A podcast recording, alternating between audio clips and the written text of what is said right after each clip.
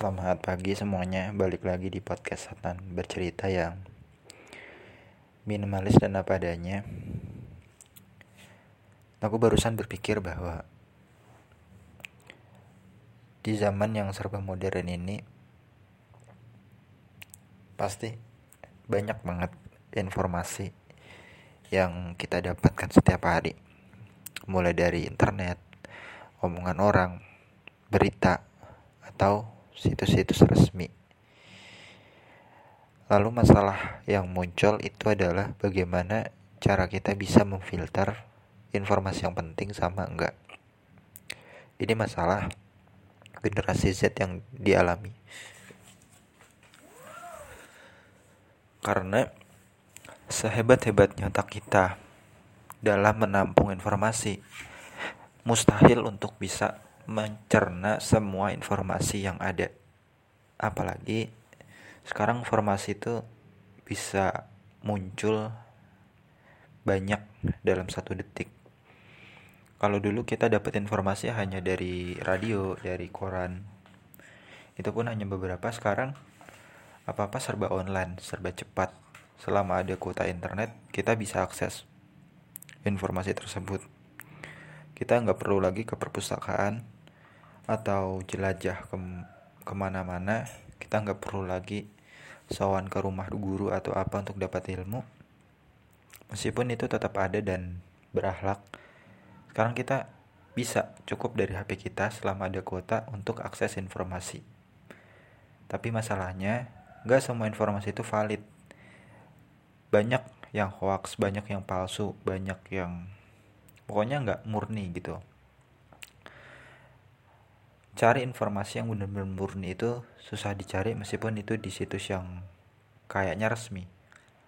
Situs resmi aja kadang kecolongan ada informasi yang hoax kurasinya kurang bagus ada. Bagaimana cara kita bisa memfilter informasi yang ada setiap hari supaya kita lebih baik setiap harinya meskipun hanya setengah persen atau satu persen atau berapa persen? Yang pertama kita harus punya sifat hidup minimalis.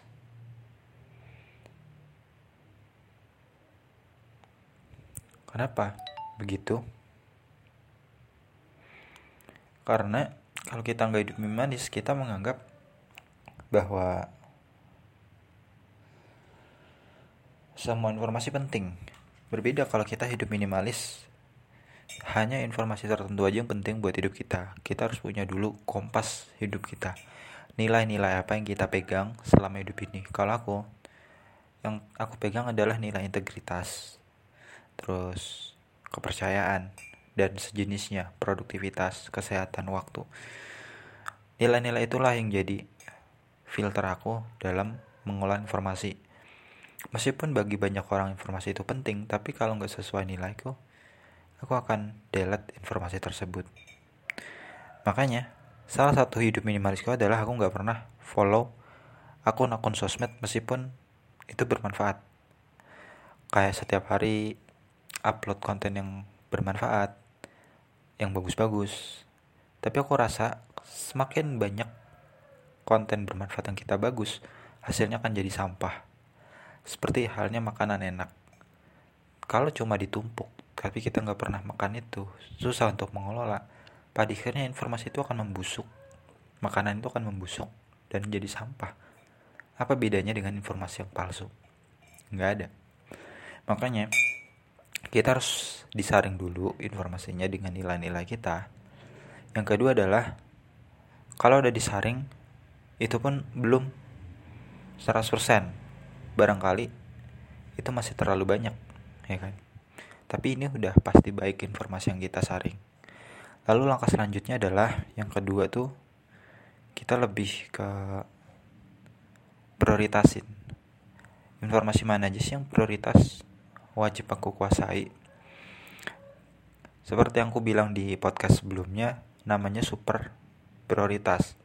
Artinya cuma ada satu yang bener-bener penting. Maksimal tiga lah atau dua. Syukur-syukur satu aja. Katakan aku punya 10 informasi yang harus aku saring. Eh ternyata ada 5 nih yang lolos. Dari lima itu nggak mungkin waktuku cukup untuk menguasai semuanya.